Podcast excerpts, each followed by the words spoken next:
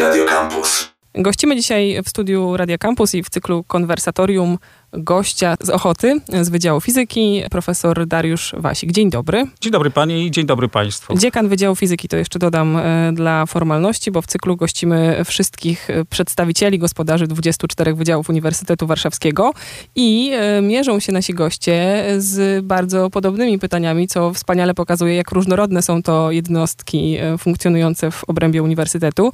Chciałabym zacząć od tego, jak to, co widzimy dzisiaj, mam na myśli trochę epidemię, ale dużo bardziej na przykład y, postępującą rolę nowych technologii, cyfryzacji odbija się w funkcjonowaniu Wydziału Fizyki. To jest nauka, która się kojarzy z takim zaprzyjaźnieniem technologicznym. To prawda i ja myślę, że Wydział Fizyki, jak i cały uniwersytet e, radzimy sobie e, bardzo dobrze pandemia e, ujawniła e, pewne nasze zdolności i możliwości, o których może wcześniej nie wiedzieliśmy, e, czyli wykorzystanie techniki, technologii informatycznej na potrzeby prowadzenia kształcenia studentów.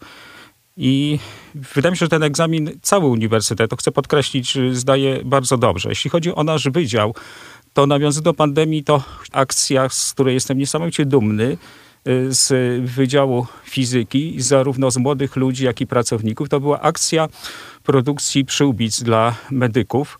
To już też może patrzymy z perspektywy czasu, ale ja przypomnę, że jak się pandemia rozpoczynała, to brakowało, nie było maseczek, nie było przyłbic.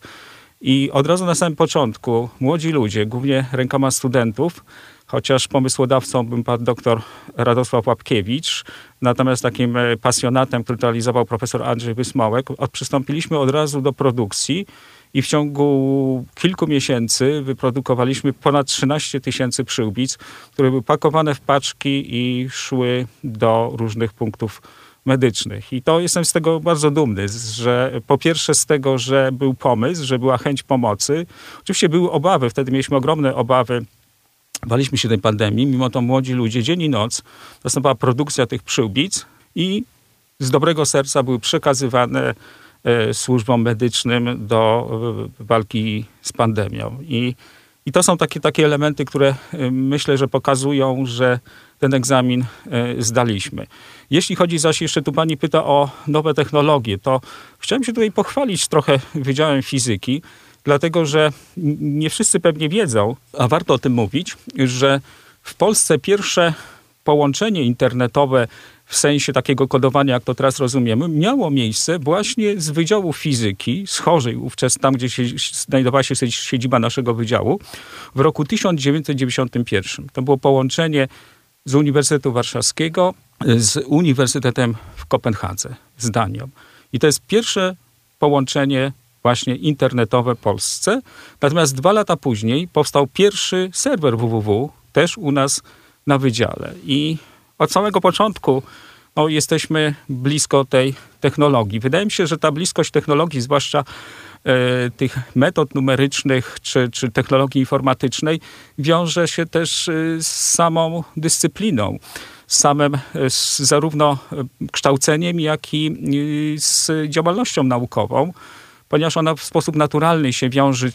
Fizykę można podzielić na różne działy, między innymi na y, takim bardzo dużym działem, u nas największym na wydziale jest fizyka doświadczalna, gdzie w sposób naturalny mamy do czynienia z aparaturą. Współczesna aparatura no to jest na najwyższym poziomie. Zresztą my kupujemy i mamy tę aparaturę z samego topu. Udaje nam się zdobyć środki finansowe, często unijne, e, na to, żeby mieć tę aparaturę.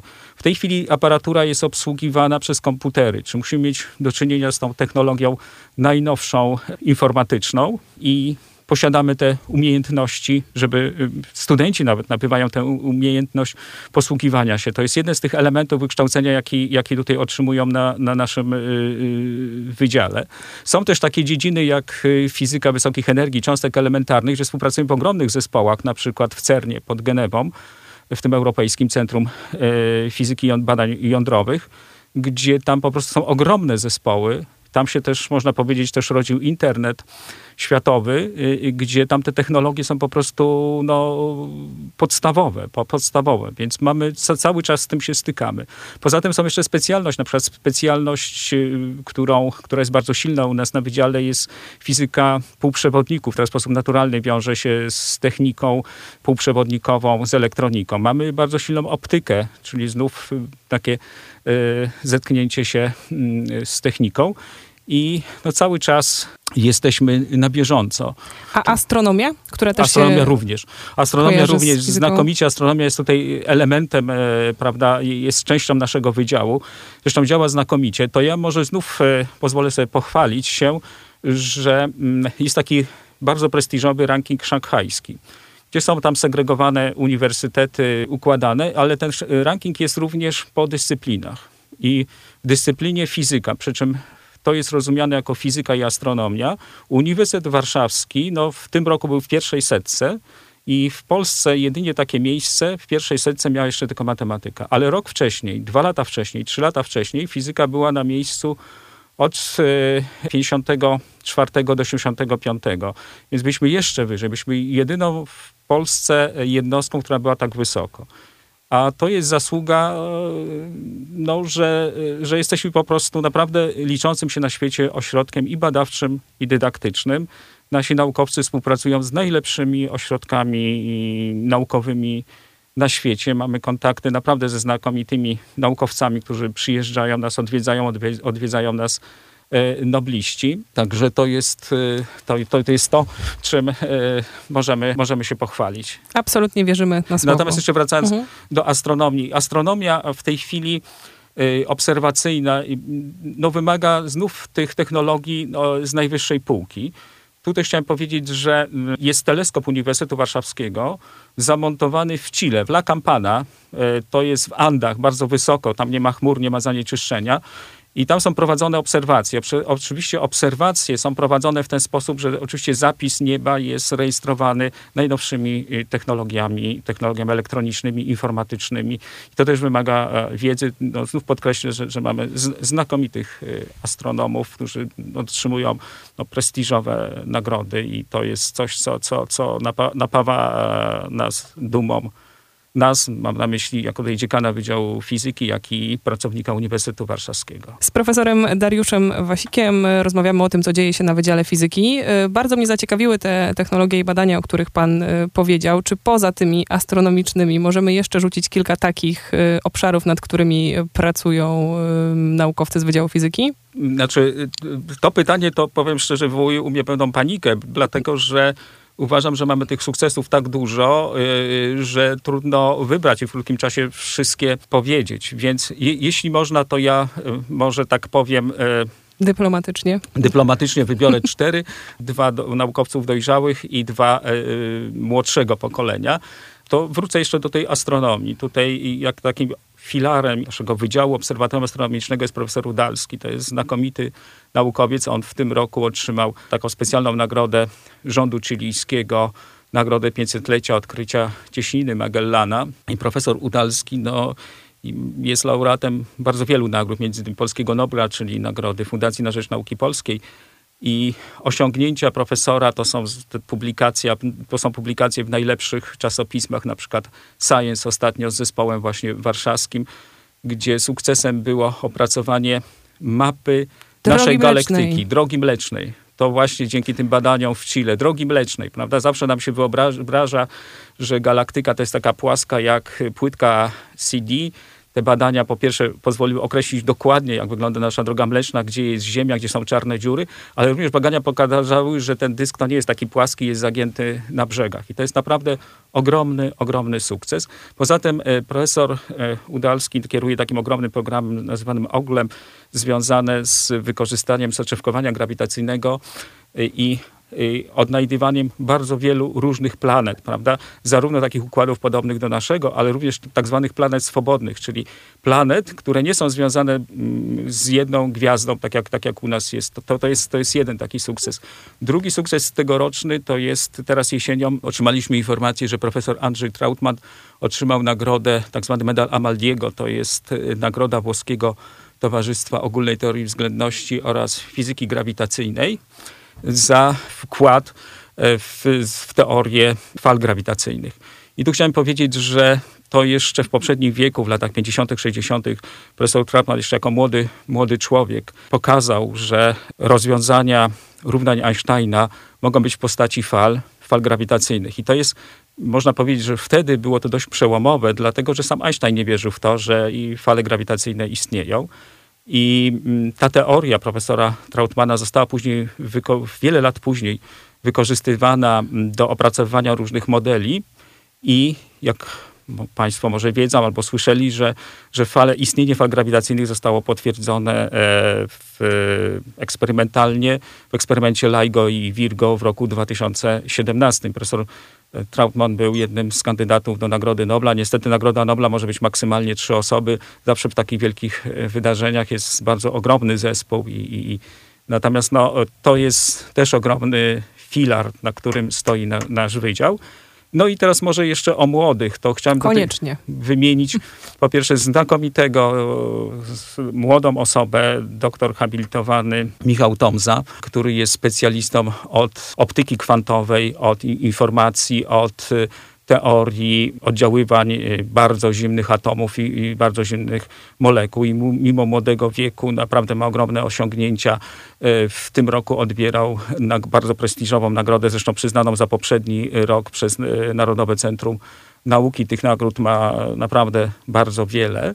No i ostatnia może to jest znakomita też, też publikacja w czasopiśmie Science przez, e, można powiedzieć, no młode, młode pokolenie, profesor Jacek Szczytko i pani doktor habilitowana Barbara Piętka, a oni zajmowali się manipulacją światłem za pomocą pola magnetycznego. To jest, o tyle jest to ciekawe, że światło, fotony no, nie mają ładunku elektrycznego, są niewrażliwe na, e, prawda, na pole elektryczne, a jeżeli chcemy cokolwiek zastosować w elektronice czy w optoelektronice, no to musi to być sterowanie polem elektrycznym. I jak oni to zrobili? Oni uwięzili fotony w takiej wnęce optycznej i ta wnęka była wypełniona ciekłymi kryształami i własności ciekłych kryształów są wrażliwe na pole elektryczne i manipulując tym ośrodkiem, czyli ciekłymi kryształami, mogli sterować, sterować e, fotonami.